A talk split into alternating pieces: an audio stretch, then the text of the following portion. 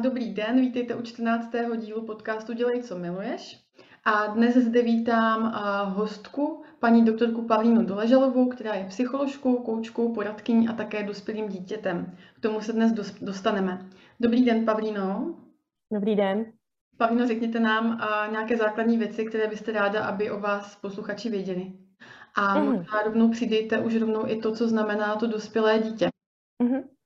Tak děkuju. A já myslím, že jste to vlastně vystihla tak nejvíc to, co v současnosti dělám nebo čemu se věnuji. Takže vystudovala jsem jednooborovou psychologii v Praze na Univerzitě Karlově a aktuálně teda pracuji ve své soukromé poradenské praxi a právě pracuji s dospělými dětmi především, nejenom, ale, ale především. A, a vy jste se ptala, kdo, kdo vlastně jsou, nebo, nebo co to znamená ten uh, termín tak uh, mně přijde hodně výstižný. Přišla s ním uh, už americká psycholožka někdy v 80. letech, Janet Vojtic. Mm-hmm. A uh, ta, ta moje definice toho je taková, že je to vlastně uh, dospělý jedinec, který teda jako dosáhl nějaké té stanovené hranice 18 let plus a očekává se, že tak jako je to hotový člověk, který jako uh, umí přijmout tu zodpovědnost a, a ví, co chce a, a jde si zatím ale uh, vlastně ty dospělé děti pocházejí uh, z nějakých jako podmínek nebo, nebo rodin, které byly takzvaně dysfunkční. To znamená, že, že nefungovaly a vlastně uh, ty děti neměly model, uh, který by je jakoby připravil na ten, na ten dospělý budoucí život a na ty výzvy. To znamená, že uh, když vyrostou, dospějou, tak můžou hodně tápat, být takový jako chaotický, zmatený, například reagovat uh, i nepřiměřeně, jo, což uh, bývá právě spojeno s tím dětstvím, kde se to toleruje, ale u těch dospělých je to, je to jako problém. Převážně ta moje specializace je uh, právě na dospělé děti z těch nefunkčních alkoholických třeba rodin, a nebo jsou to vlastně lidé, kteří jsou dospělí a mohli zažít v dětství něco hodně náročného, něco, co by se dít nemělo. Může to být nějaká forma násilí, zanedbávání, přetěžování, psychická manipulace nebo různé překrucování reality. A, a co mě i milé překvapilo, nebo je zajímavé, že se na mě vlastně obrací i okolí těch eh, dospělých mm. dětí, že by třeba potřebovali jim víc porozumět nebo vědět, jak s nima mluvit, co jim třeba zase naopak eh, neříkat. Že vlastně to chování je pro ně někdy hodně, hodně nečitelné. Mm-hmm. Jaké jsou nějaké společné znaky, které máte vypožadované z praxe a které jsou teda vlastně i nějak popsané a těchto dospělých dětí? Mm-hmm. Těch znaků je, je celá řada. A určitě bych zmínila teda nějaké jako problémy v otázkách sebevědomí nebo obecně té širší vlastní identity. A protože samozřejmě to je to, co se zásadním způsobem formuje v dětství a v dospívání. A určitě je tam problematické navazování vztahu potom, nebo i v průběhu vlastně od, od dětství, nějaké to vztahování jako k tomu vnějšímu světu, tomu mhm. okolí, kdy vlastně v dětství se buduje taková ta základní důvěra nebo naopak silná nedůvěra. A u těch dospělých dětí samozřejmě je to spíš ta nedůvěra. Jo. A to samozřejmě má vliv úplně potom na všechno, hmm. takže ve zdraví nějaká jako psychosomatika, kde se to může projevovat, to znamená nějaké jako tělesné obtíže, které si ten člověk nese v důsledku té psychické zátěže. A, a vlastně ještě takovým typickým hodně znakem je extrémnost, nebo vlastně to, že ty dospělé děti uh, opravdu fungují na principu buď a nebo mm. černobílosti toho světa a, a hodně těžko se jim hledá takový ten zlatý střed nebo, nebo taková ta střední cesta. Mm-hmm. Uh, s jakou jako obtížnou rolí uh, v rodině se ty dospělé děti potýkaly, když byly opravdu jako dětmi, a co všechno zažívali, co vám třeba v praxi popisují, a jestli dá zase nějak jakoby zhrnout, uh, jaká, jaká vlastně byla jejich role v té rodině. Mm-hmm, mm-hmm. Uh, tak uh, ty role, uh, tam je to právě jako nefunkční nebo i patologický v tom, že vlastně ty děti, které mají svoje úkoly v rámci vývojových období a, a mají se něčemu učit nebo se nějak rozvíjet, tak vlastně za prvý nemohou. Je to tam jako zablokováno tím, hmm. že na ně vlastně se ještě jako přehodí starosti nebo situace nebo povinnosti, které by rozhodně řešit neměli. Ani vlastně nemůžou, protože neumějí. Jo. A nikdo je to nenaučil a, a není to adekvátní tomu věku. Je to takový jako neuměrný. To znamená, že říkáme tomu parentifikace teda v psychologii. A to znamená v podstatě, že buď se stanou třeba rodiči uh, mladších sourozenců nebo sourozence, a nebo jsou vlastně jako hodně odkázaní uh, na sebe. Takže potom ty role můžou být, dám příklad uh, šašek, to je hmm. takový název jako pro dítě nebo dospívajícího, který se může i ve škole potom v práci třeba projevovat hrozně veselé a dělat takový ty jako blbosti, strhávat na sebe pozornost, ale vlastně tím kreje ten skutečný stav toho, co se, co se děje doma, protože tam hmm. ještě funguje vlastně mechanismus stabilizace, to znamená jako nějakého násilného potlačení, jako prostě o tom se nemluví, nesmíš to nikde říkat, musel bys chodit kanálama, jo, nebo, nebo nikdo by ti stejně nevěřil vlastně, takže ještě to dítě má jako pocit, že, že je nějak špatné vlastně ono samo. Co ty děti právě prožívají v těchto rodinách? Přesně jak jste popisovala teďka například a to, že je tam vlastně nějaký jako stud, nebo možná nějaké pocity viny a tak dále, tak co všechno tam je, jak, jaký mix těch pocitů? Hmm. Není to nic eh, jako úplně příjemného nebo hezkého, je to, eh, já tomu říkám, takový jako trojuhelník emocí nejčastější a to je smutek, takový ten hluboký vlastně až žal, a vztek až takový jako prudký, eh, kolikrát může do agresivních třeba tendencí verbálních nebo třeba i fyzických přejít vlastně, ale vždycky je zatím nějaký smutek. A nebo strach, to je ta třetí emoce. A, takže to je to, co se tam pořád nějak jako mele a, a ty děti většinou ani nemají nebo dospívající čas to nějak jako strávit, zpracovat, naučit se s tím nějak zacházet. A určitě je to teda stud, jak jste zmínila, a stydí se samozřejmě za svoje rodiče, a za toho teda pijícího, nebo když jsou oba, a za to, jak to doma vypadá, za to, že si nemůžou zvát kamarády. Jo? A, a možná i pocity viny. Jo? Často se s tím setkávám, že a jak s tím dítětem vlastně nikdo nemluví na rovinu. Jo? Jak tam není ta transparentní komunikace, ta, ta funkční, tak uh, ona je vlastně zmatený. Takže je to vlastně hrozný chaos a, a lži a právě to překrucování reality, takže úplně zmatek. Mm-hmm.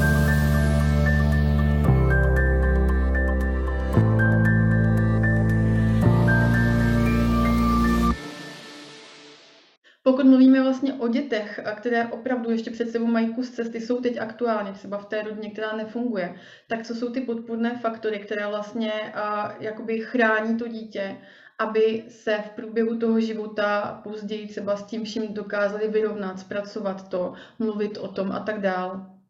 Mm-hmm. Tak těmi činiteli nebo, nebo faktory uh, může být celá řada a je vlastně strašně super, že tam jsou. A ona je vlastně hodně subjektivní. Není jako dospělé dítě, jako dospělé dítě. Takže mm. mě tak napadá, že to každý opravdu prožívá hodně jinak, je to hodně individuální. Takže uh, záleží určitě na osobnosti, jo, na tom vlastně, s mhm. čím uh, přijdete na ten svět, jak jste, jak jste vybavená a můžeme mluvit o nějakých jako takzvaných copingových strategiích, to znamená strategiích zvládání nějakého stresu, extrémního tlaku a to se budujeme tak nějak všichni. A, buď jsou teda funkční nebo ne, a podle toho je můžeme měnit. Nicméně určitě osobnost je teda tím uh, prvním faktorem. A potom teda samozřejmě záleží na té situaci konkrétní, to znamená, jestli ta širší rodina aspoň funguje. No, když tam prostě vypadne jeden rodič, jak zafunguje ten druhý. A když teda ani ten druhý, a tak babička s dědou nebo, nebo nějaký strejda s tetou. A když teda ani, ani toto ne, tak samozřejmě už se dostáváme uh, do dalších zdrojů, které jsou zase vzdálenější, to znamená omezenější přátelé, kamarádi, zase záleží i na věku, jo, co se tam vlastně dá uh, pro to dítě dospívajícího udělat. Mm-hmm. No a samozřejmě teda uh, potom časem, nebo, nebo pokud je tam někdo osvícený v té rodině, tak vyhledat klidně odbornou pomoc nějakého odborníka, adiktologa, to znamená mm-hmm specialistu na závislosti a, nebo vůbec někomu, kdo s tím dítětem by mohl nějak pracovat. Napadají mě dětská krizová centra, kde jsou a, sociální pracovníci, psychologové, terapeuti.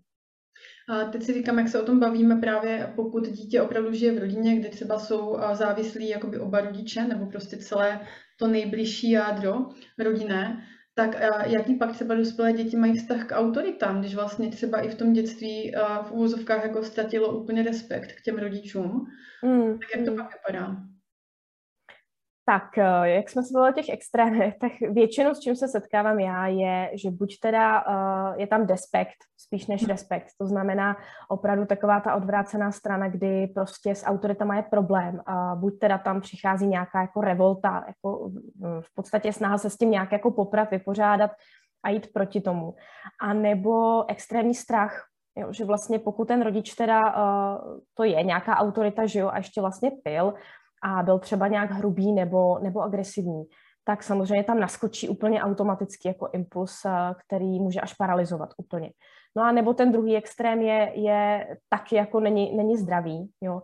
A to je zase nějaká jako přílišná lojalita, kdy, kdy ty eh, dospělí se potom můžou upnout na někoho, kdo si to ani nezaslouží. A to buď teda v práci třeba na, na šéfa, který s nima vlastně zametá, hmm. anebo potom samozřejmě v osobních vztazích jsou to jako závislé typy vlastně vztahu.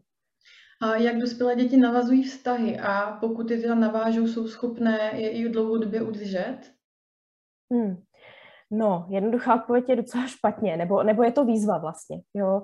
A zase, jsme u toho, že to je individuální, subjektivní, takže hmm. nemůžu říct, jako, že stoprocentně žádné dospělé dítě uh, nemá skvělé vztahy potom v dospělosti, ale je to práce, jo. Je to možná jako stížený ten start vlastně o to, že ten základ tam nebyl.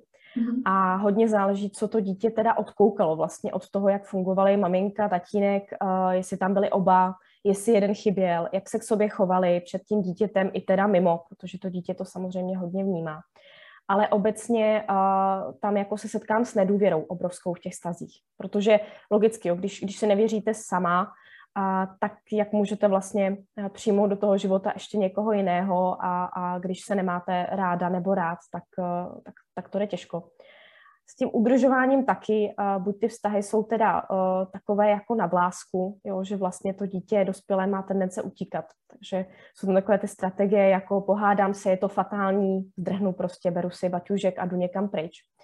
A strašně záleží, jak s tím to dospělé dítě potom pracuje, jak s tím zachází, jestli má terapii, nějaké jako korektivní zkušenosti nápravné nebo ne. A samozřejmě i to ukončování vztahu je potom uh, odrazem toho vztahu, jak to fungovalo nebo nefungovalo.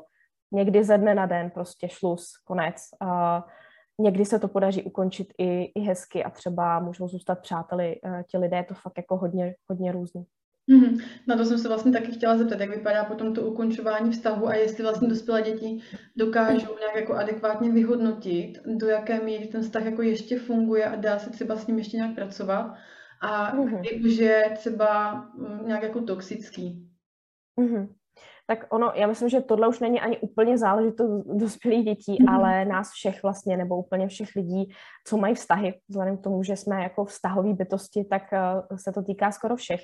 Ale ono je to jako těžký vlastně prokouknout to, že ten vztah teda nějak uh, hodně hapruje, protože tam samozřejmě fungují uh, na začátku v těch různých fázích růžový brýle a tak podobně, takže to máme asi všichni jako stejný ale v zásadě je pravda, že uh, se setkám i s tím, že dospělé děti často ignorují takové ty jako red flagy, to znamená ty varovné signály nebo, nebo vykřičníky.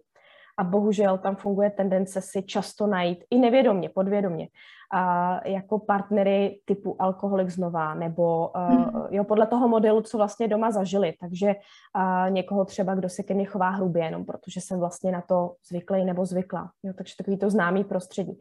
Takže mm-hmm. samozřejmě ten vztah podle toho potom jako uh, vypadá. Ale určitě zvládnout můžou, jo, i, i super vztah, i, i navázání, i udržování, i ukončení případný, když na sobě pracují.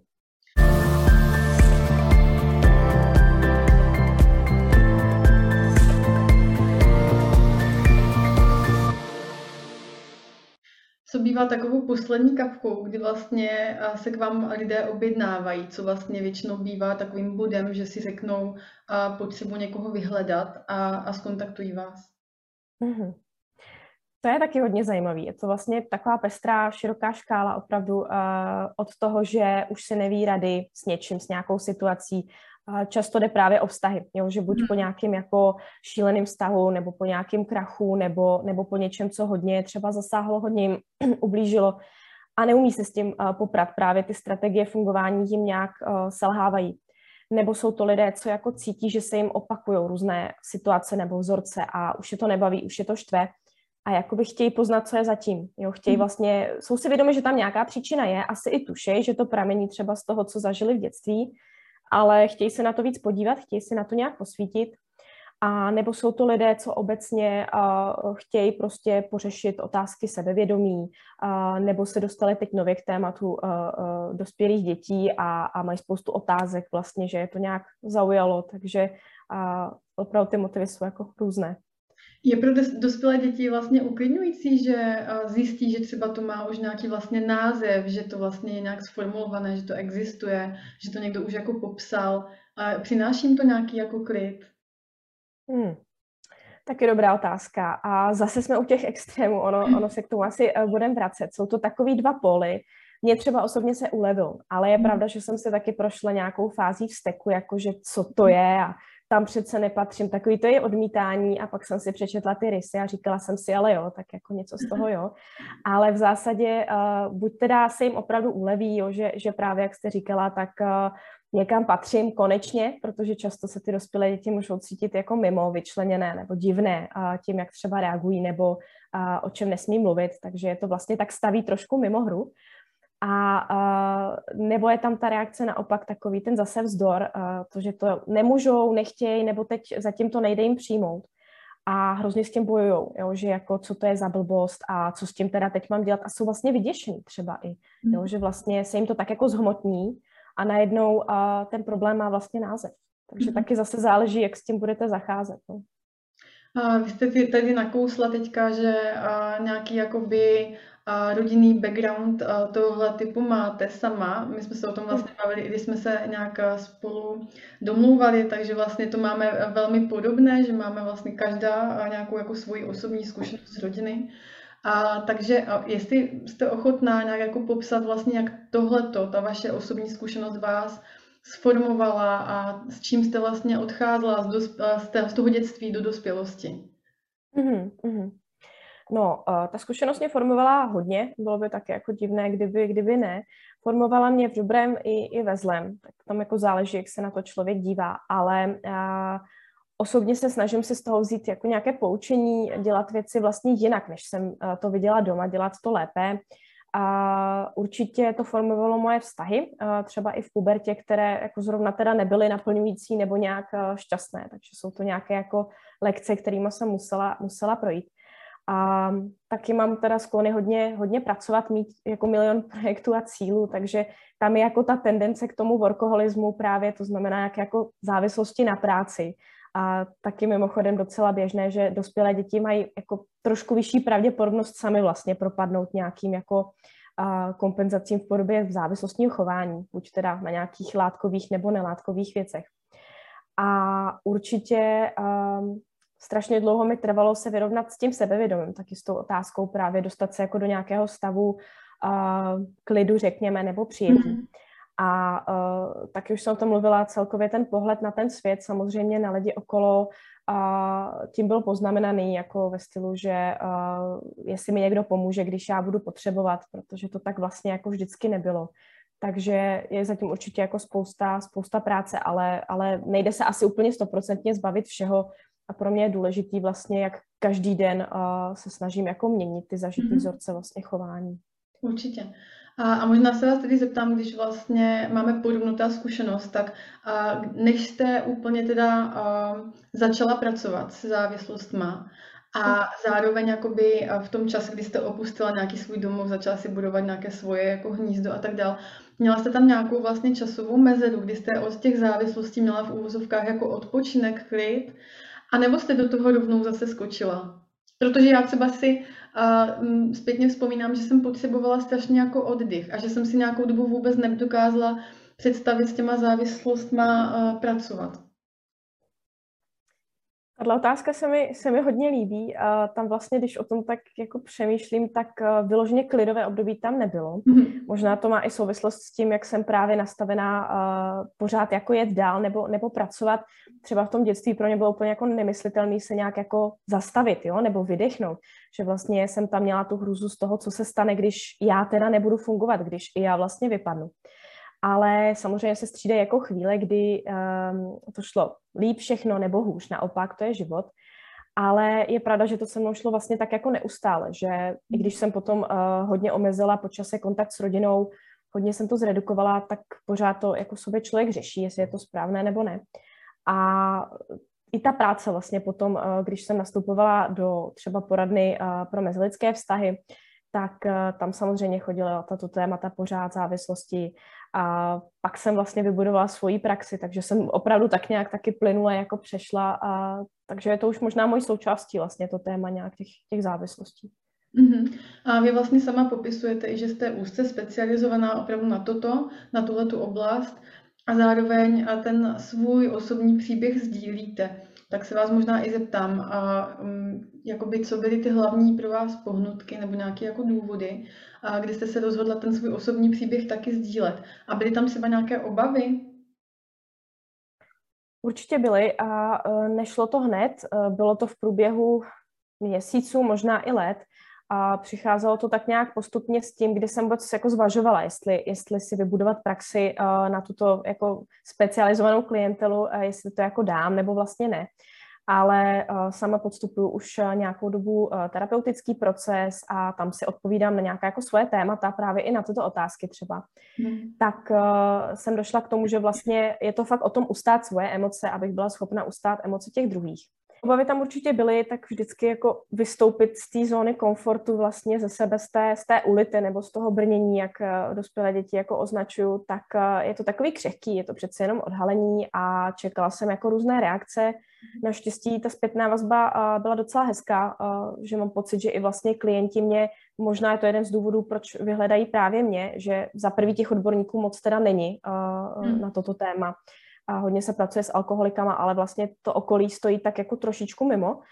A uh, je jim asi jako blízký to, že vlastně je to někdo, kdo to nemá našrocený, uh, našprtaný z nějaký knížky, ale je to někdo, kdo vlastně ničím podobným prošel a mám i pocit, že mě to jako víc přibližuje těm lidem, že uh, vím, co tak asi zhruba můžou uh, prožívat nebo řešit. Ale samozřejmě jsem si jako vědoma, že tam jejich příběh je jejich a můj je můj a, a určitě to jako se snažím nemotat vlastně nějak dohromady, jsem tam pro ně jako odborník. A k tomu příběhu ještě um, ani nevím, kdy přesně poprvé jsem něco začala takhle sdílet, ale uh, hodně zásadní pro mě bylo uh, právě rozhovor v rádiu uh, v diagnoze F, kde na tohle ta otázka přišla a já už jsem vlastně tou dobou byla schopna o tom vlastně mluvit, takže uh, už tam jako odpadla taková ta bariéra, ale byla to práce určitě. Vy jste zmínila, že vlastně nějakou dobu jste si musela nastavit v podstatě jako hranice s rodinou, že jste tam třeba omezila nějakou komunikaci a tak dále. Tak pojďme možná se pobavit i o těch hranicích, jak je to vlastně důležité pro dospělé děti vůbec si začít uvědomovat, že nějaké hranice jako mají právo si nastavit a že jsou vlastně zdravé. Mm-hmm. Zase, uh, myslím, že to je téma jako úplně všech lidí. Hranice jsou strašně důležitý, strašně podstatný proč uh, to vidíme, asi všichni cítíme nebo zažili jsme někdy, uh, jaký to je, když tam nejsou, když tam vlastně chybí. Ty hranice, uh, jako spoustu lidí mi přijde, že převládá takový to, že budu špatný nebo, nebo někoho naštvu nebo někdo mě nebude mít rád. U těch dospělých dětí teda ještě uh, hodně tohle to opravdu funguje, ještě víc. Ale uh, v zásadě ona je to jako ochrana, jako pro nás i, i pro to okolí, aby my jsme se mohli vymezit a být opravdu v pohodě tím, kým jsme, a ostatní, aby věděli, co už je jako přes, nebo kam ještě můžou a co ne. Takže za mě je to jako úplně přirozené, normální, zdravé to mít. Ale je pravda, že to je taky hodně časté téma, které vlastně s klienty v praxi řeším, že to buď neumí, nebo se jim to jako nechce dělat právě z těch důvodů, že někdo mě jako odmítne a je tam ten strach z toho jako nepřijetí, z nějakého jako uh, odmítnutí vlastně, což už zažili moc krát v tom životě ale uh, určitě je to něco, co je dobrý do toho života si jako uh, naučit. A je dobrý, že se to jako jde naučit, že na tom jde pracovat. Jsou hmm. na to různé techniky, typy, milion seberozvojových knížek, takže hranice, ano.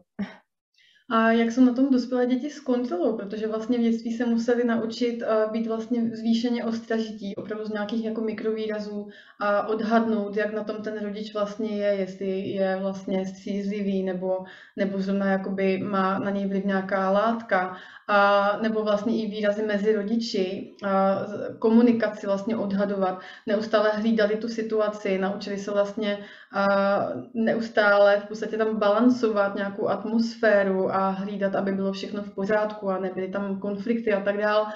Takže a jakým způsobem potom vlastně ta kontrola, v čem může být vlastně funkční v dospělosti a v čem naopak a, už může být maladaptivní? Mm-hmm.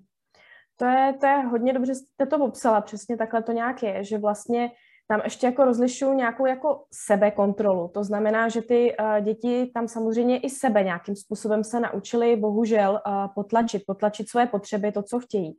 Takže to samozřejmě taky potom zasahuje dál, kdy v dospělosti už jako můžou spoustu věcí reálně dělat, ale nemůžou, protože mají pořád tu svěrací kazajku, kterou si nesou vlastně uh, z té rodiny, z toho, co tam jako museli se naučit pro nějaké přežití.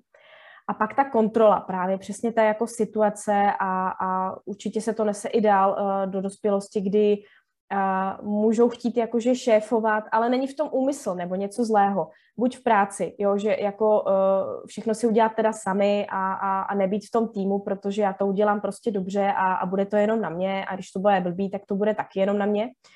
A uh, nebo i v těch stazích, jo, jako s partnerama, partnerkama, což je problém, jo, protože tam um, většinou narazí. Vztah je prostě o dvou a nemůžete to mít jako úplně pod kontrolou. Můžete mít pod kontrolou svoji část nebo jako mhm. sebe, nějaké svoje jako reakce, ale tím to končí vlastně. Jo? Takže určitě je to i o tom jako přijmout, že v tom životě to nejde mít prostě nalinkovaný. Já osobně taky mám ráda jako řád. A ten řád je dobrý, jo, jako jak jste se ptá, pozitivum je třeba to, že uh, můžou být hodně strukturovaný, může jim to usnadňovat nějaký každodenní chod, hodně toho třeba zvládnout, stihnout ale přestává to být jako funkční ve chvíli, kdy vás to omezuje, kdy naopak eh, je to nějak svazující a nedovolíte si vlastně z toho uhnout a striktně prostě za každou cenu přes mrtvole dodržujete na 200% tu, tu, tu kontrolu vlastně. Tak tam to jako selhává. Mm-hmm. A vy jste popisovala, že v tom kontaktu s klienty samozřejmě si vždycky velmi dobře hlídáte, jakoby, co je vlastně klientův příběh, co je ten váš, abyste mu do toho vlastně nějak nezasahovala a těmi vlastními jako zkušenostmi. Zároveň hmm. vám to ale dává výhodu přesně, že se dostanete třeba do větší hloubky a ti klienti vědí, že to nemáte jenom nabiflované, načtené, ale fakt jako máte osobní zkušenost. Ale zároveň si dokážu představit, jak to jako někdy může být eh, pro vás vlastně vyčerpávající. A takže mám vlastně otázku na to, jak se udržujete nějak jakoby psychicky fit, psychicky v pohodě a jestli jste někdy neměla vlastně chuť se na to všechno i vykašlat, na tuhle tu oblast a ne, neskočit vlastně třeba do jiné oblasti psychologie. Já začnu tím závěrem. Napadlo mě to, napadlo mě to. V průměru mi to přijde tak na mysl možná i třikrát denně nebo, nebo víckrát. A zatím jsem to teda nikdy neudělala, ale jsou to přesně takové ty pochyby jako typu, má teda smysl to, co dělám, pomáhá to vůbec někomu, zajímá to někoho a tak dál. Ale řekněme, že to vnímám uh, jako nějakou formu poselství. Troufám si říct, že od klientů mám i hezké zpětné vazby, což hmm. mě vždycky hodně podpoří a, a motivuje v tom jako dál, dál pokračovat, i když to teda není uh, vždycky úplně jednoduché. Ale určitě k té práci psychologa, uh, ta duševní hygiena nebo psychien, psychohygiena, jak jste zmínila, tak je strašně důležitá věc. A pracuji na ní roky, denně, slouží mi k tomu právě ta terapie, moje vlastní osobní supervize, to znamená, že mám možnost konzultovat nějaké jako svoje otázky se svými kolegy, kteří jsou třeba starší, zkušenější a získat nějaký jako nezaujatý vlastně objektivní pohled. A určitě je tam pro mě důležitá jako v těch rituálech nějaká pravidelnost. To znamená, že mě osobně pomáhá třeba hodně pohyb, běh, fitko, takže snažím se to střídat s nějakou jogou, sem mm. tam. Hodně teda, co i klientům doporučuji, tak obecně je dobrý se zaměřovat na svůj dech, na, na práci s ním, a protože to je vlastně to, co u sebe máte vždycky a i kdybyste jako nedělala nic jiného, tak tohle vás hodně rychle dokáže jako vrátit do toho momentu tady a teď a vlastně se rychle uklidnit. A samozřejmě ta terapie je na místě, když eh, právě člověk nějak uh, tápe nebo, nebo třeba nemá úplně na koho se obrátit nebo nechce. Řada mých hmm. klientů hmm. říká, že má vlastně super jako sociální background, to zázemí, ale nechce je zatěžovat, nebo uh, jim moc nerozumí to okolí, že se snaží, ale jsou to právě takový ty rady typu, to bude dobrý, nebo si najdeš někoho jiného a tak dále, jo. Uh, takže to úplně není to, co asi pomůže jim v tu chvíli, takže i tak. A můžu teda ještě doporučit hodně za sebe relaxace, mm-hmm. buď teda nějaké jako řízené. Já osobně dělám uh, Jacobsonovou svalovou progresivní. Ta hezky pracuje s uvolněním napětí, uh, s tlakem vlastně. A nebo Schulzův autogenní trénink, to je takový jako před spaním na, na sklidnění, znova pracujete s tělem, uvědomujete si dech a, a to, to jako funguje hodně hezky. A teď mě napadá, že určitě jako existují i dospělé děti, které vlastně jakoby vědí, že v rodině měli závislost nebo kombinaci závislostí, vědí, čím si prošli, jako mají tohleto třeba zvědoměné, že prostě nebylo všechno jako dobrý, ale zároveň nemají nebo neměli doposud třeba potřebu něco jako vlastně řešit a mají pocit, že vlastně všechno nějak zvládají. takže mm. mám otázku, mám otázku, jakoby doběhne to, nebo jakoby co může být pro to dospělé dítě takovým bodem, kdy uh, si vlastně uvědomí třeba až v té dospělosti, že vlastně všechno fakt není úplně OK. A případně jsou tam nějaké jako obavy, proč třeba ten člověk jako nezačne s nějakou terapií, nebo uh, co vlastně ho brzdí? Mm-hmm, mm-hmm. To je zase takový mix, mix otázek, ale uh, vlastně Určitě obavy tam jsou, i tím, jak jsem vlastně říkala, ta nedůvěra ve svět nebo v to okolí, v to, že třeba mi nikdo nepomůže, protože doma jsem byl, byla na všechno sám sama. Tak eh, to je to, co může být určitě kámen úrazu, že vlastně je jako trapný si říct o pomoc, nebo je to selhání, je to jako blbý, jo. A proč by mi měl někdo pomáhat a stejně mi nikdo nebude rozumět. Takže jsou to jako takovéhle úvahy, takovéhle myšlenky.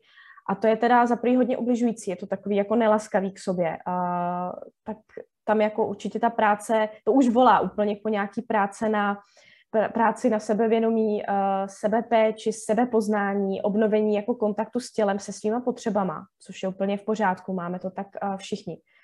A pak jste se ptala, jak jako se pozná, nebo jak, jak člověk může trošku si pohlídat, kdy už je to jako, že by to chtělo s tím něco dělat. A já myslím, že to jsou právě takové ty situace nebo vztahy, co se vám pořád dokola opakují. Asi, asi to známe nějak všichni, že já nevím, paní, co si vezme po čtvrtý uh, chlapa, který je bezvadný, úžasný, jenom strašně chlastá, jo. A, a pak jako se pozastaví ten člověk nebo i nad svýma nějakýma reakcemi, třeba nějaká situace ho furt naštve, ale jako hodně nepřiměřeně. A teď přijde ta otázka, co se děje, čím to je. A tam je dobrý fakt jít pod povrch, jako podívat se, uh, když ne do dětství, tak aspoň do toho, jako kde jsem teď, co mi funguje, co ne, proč a co s tím.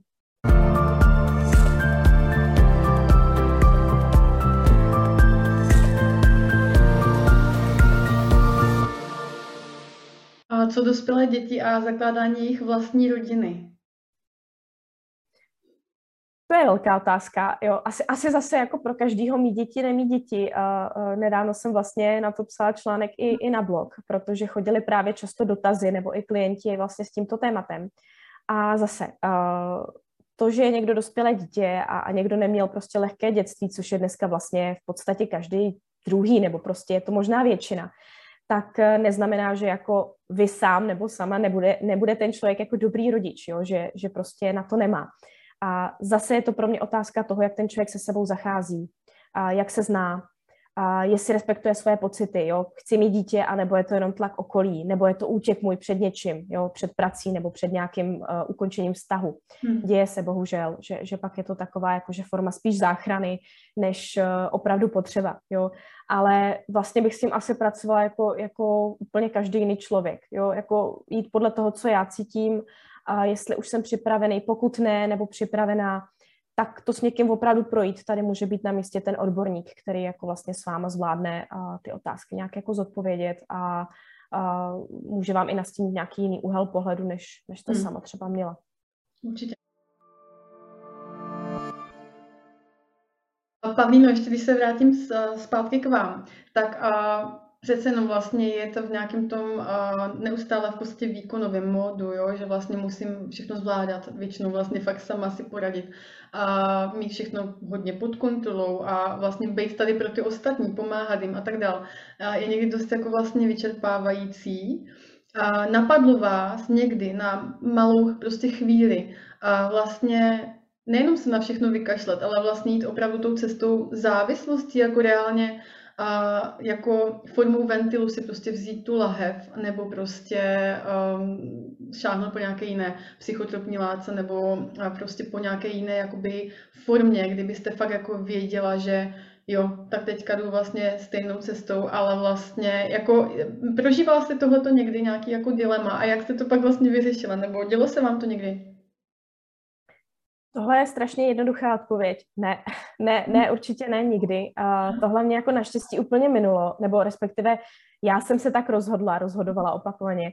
A vlastně nemám žádnou zkušenost s tím, že bych byla jako ožralá ve smyslu, že bych si Aha. nic nepamatovala nebo zvracela, nebo ani kocovinu jsem si vlastně neprožila, i když mě vždycky tak nějak zajímalo, jak to teda vypadá, ale uh, já to spíš beru tak, že člověk uh, má v životě jako i tak dost výzev a překážek před sebou hmm. a jako netřeba si přidávat vlastně ještě další, ještě k tomu hmm. jako zcela vědomě, aspoň na tom začátku.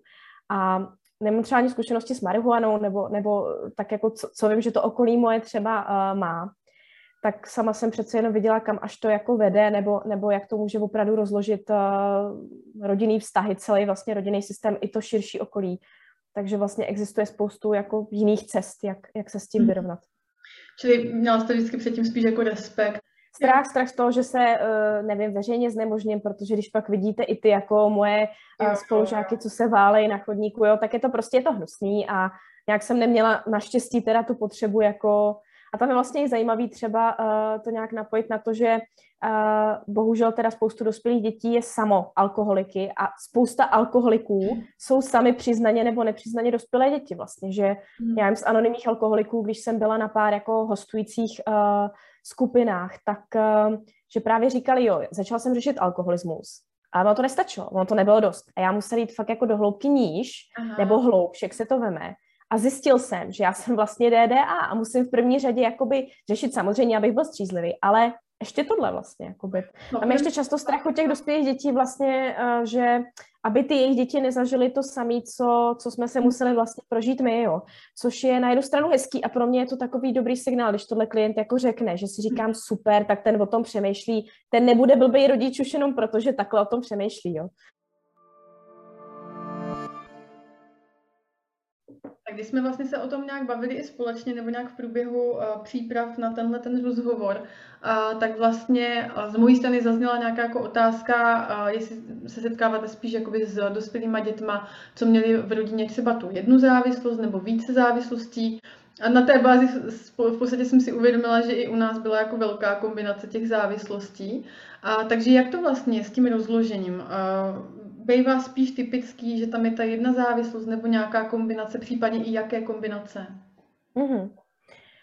Vlastně i co tvrdí adiktologové nebo odborníci na závislosti, tak když člověk má jako jednu jedinou závislost, třeba jenom ten alkohol, tak je to spíš jako rarita, je to spíš vzácné. Hmm. Takže mnohem častější, asi, asi jako i většinové, tak jsou právě různé kombinace. Jako hmm. typicky máte uh, cigarety s alkoholem, už třeba od rána, jo, nebo, nebo uh, nějaké jiné drogy, po případě ty nelátkové závislosti, uh, internet, uh, jo, nebo sociální sítě, porno. Takže většinou jako uh, mi přijde, že i když se ten závislý snaží přestat třeba s jednou, nevím, s cigaretama, tak si vlastně zaplácne to nově vzniklé místo, toto to vákuum, které tam najednou je, nějakou jinou. Takže vlastně jsou tam ještě jako přidružené vlastně ty závislosti.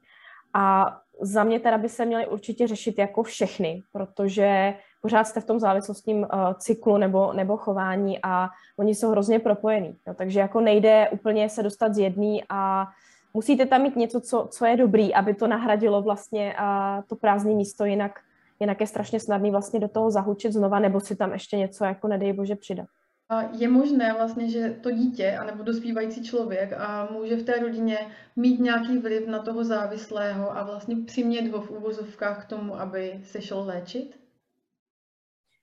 Vliv tam je určitě, tak eh, ten rodinný systém, proto je vždycky z mýho pohledu dobrý pracovat eh, tuplem, když se tam objeví nějaký takový karambol, jako je závislost, eh, což už je fakt velký s celým tím rodinným systémem. Ale a samozřejmě to dítě, když jsme u dětí, tak jako moc možností vlastně nemá. Já třeba jsem sama hodně dlouho ani neznala ten termín alkoholismus. Ani vlastně někdy až možná v pubertě, jestli kolem 15, že vlastně je to problém, že je to nemoc a, a závislost a tak dále. Ale um, jako donutit určitě ne, nebo jako nějak přimět. Uh, co vím, tak ani nefunguje taková ta dobrá vůle, jako domluvit jim, jo, nebo prosit je, nebo naléhat protože ten alkoholik prostě má opravdu jinou realitu, uh, má prostě tuplem v těch svých stavech úplně jiné vidění fungování, uh, vidění toho světa, té reality. Uh, takže on problém nemá.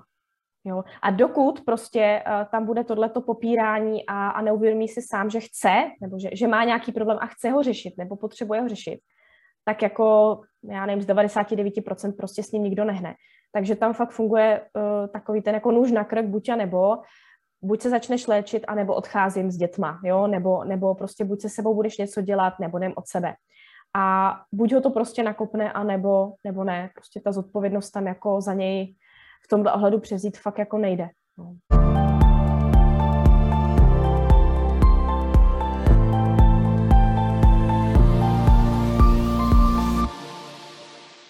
tak teďka jsme se vlastně v takové pauze s Pavlínou zrovna začali bavit o tom, jak to máme do dneška, vlastně s čím jsme se dlouhá léta třeba museli vypořádávat. A vlastně v, z části v humorné atmosféře, ale takové polusmutné jsme si řekli, co si do, toho, do, do té dospělosti jakoby neseme, nebo nesli jsme si a jak dlouho jsme si to museli vlastně řešit, zpracovávat a jak to vlastně vypadalo uh, i z hlediska třeba nějakého jako našeho spánku, uh, vlastně takových úplně běžných věcí, co třeba uh, lidi, co nejsou z těchto rodin, ani jako nenapadne, že si něco takového člověk vlastně nese z té své rodiny. Takže Pavli, já vám předám slovo, jaké psychické dopady dospělé děti mývají. Tam u té psychiky, tam už jsme jako na pomezí psychiatrie a nejenom teda psychologie, ten rozdíl je v tom, že samozřejmě ta psychiatrie už řeší i farmakama, takže lékama různé jako stavy. Ale s čím se já teda setkávám, je uh, u klientů hodně jako deprese, uh, lehká, střed, středně těžká, těžší, uh, kdy je to právě důsledek, jak jsem mluvila o tom emočním trojuhelníku, tak toho jako nevyjádřeného smutku, který vlastně tam uh, si nesou. A vlastně už Freud, uh, psycholog, uh, říkal, že uh, ta deprese je daň za nevyjádřený vlastně žál nebo smutek. A takže určitě uh, můžou tam být nějaký sklony k uh, poruchám osobnosti nebo k nějakým právě jako psychiatrickým uh, diagnózám. Ono samozřejmě i to závislostní chování nebo ta závislost je už věc adiktologická, psychiatrická, vlastně musíte se podrobit jako nějaké léčbě, mm. případně detoxu teda a uh, úplně vlastně změnit svoje, svoje fungování, svoje chování. Ale je to prostě důsledek traumatů, traumatických událostí, zážitků, zkušeností, vlastně komplexního traumatu. To znamená, že opravdu tam to zahýbe s psychickým, tělesným, uh, emočním, duševním stavem, vlastně jako celou, celou tou osobností, která se tak může jako roztříštit nebo, nebo rozpadnout a, a trvá, než se zase poskládá jako v nějaký, smysluplný funkční celek. Kdybyste si chtěli paní doktorku najít, tak uh, má vlastně webovky zářivénito.cz, kde vlastně najdete i blog s nějakými příspěvky, má také YouTube kanál, kde vlastně natáčí krátká edukační videa. A potom také napsala e-book bolesti dospělých dětí, alkoholiků a, a 13 typů, jak je správně uzdravit. A případně ještě taky napsala, ona ta sama popisuje nějakou jako neodbornou publikaci, jak se brání psychologie, jsou spíš jako takové deníkové zápisky a dává nahlídnout vlastně do nitra toho, že vlastně i psycholog je člověk. Pavlíno, na ten závěr, máte nějaké jakoby poselství nebo nějakou zprávu, kterou byste chtěla sdělit? Zpráv bych měla, měla spoustu, ale co bych tak jako vybrala asi z toho, co jsme se bavili, tak se to týká těch jako pochybností nebo strachů vlastně vyhledat pomoc a konkrétně pomoc teda odborníka. Tak určitě bych chtěla jako říct, že to není ostuda žádná, nebo hamba, nebo, nebo selhání. A uh, mám radost z toho, že snad už v dnešní době je menší tabu, jako chodit k psychologovi uh, nebo třeba i psychiatrovi, uh, že to není jako, že jste magor nebo cvok. A za mě dokonce fakt jako silný, zralý, uvědomělý člověk by měl být schopný uh, v momentě, kdy něco nezvládá, je toho na něj moc, což se prostě v životě stává každému, tak uh, si o tu pomoc jako říct, že naopak to vnímám jako hodně uh, silnou kompetenci, dobrou, dobrou vlastnost, takovou jako sebezáchovnou, postarat se o sebe. Takže i v rámci toho učit se být k sobě jako laskavý, tak může to být fakt úleva a, a velká pomoc. Takže jako netrapte se v tom tak sami zbytečně, už, už nemusíte.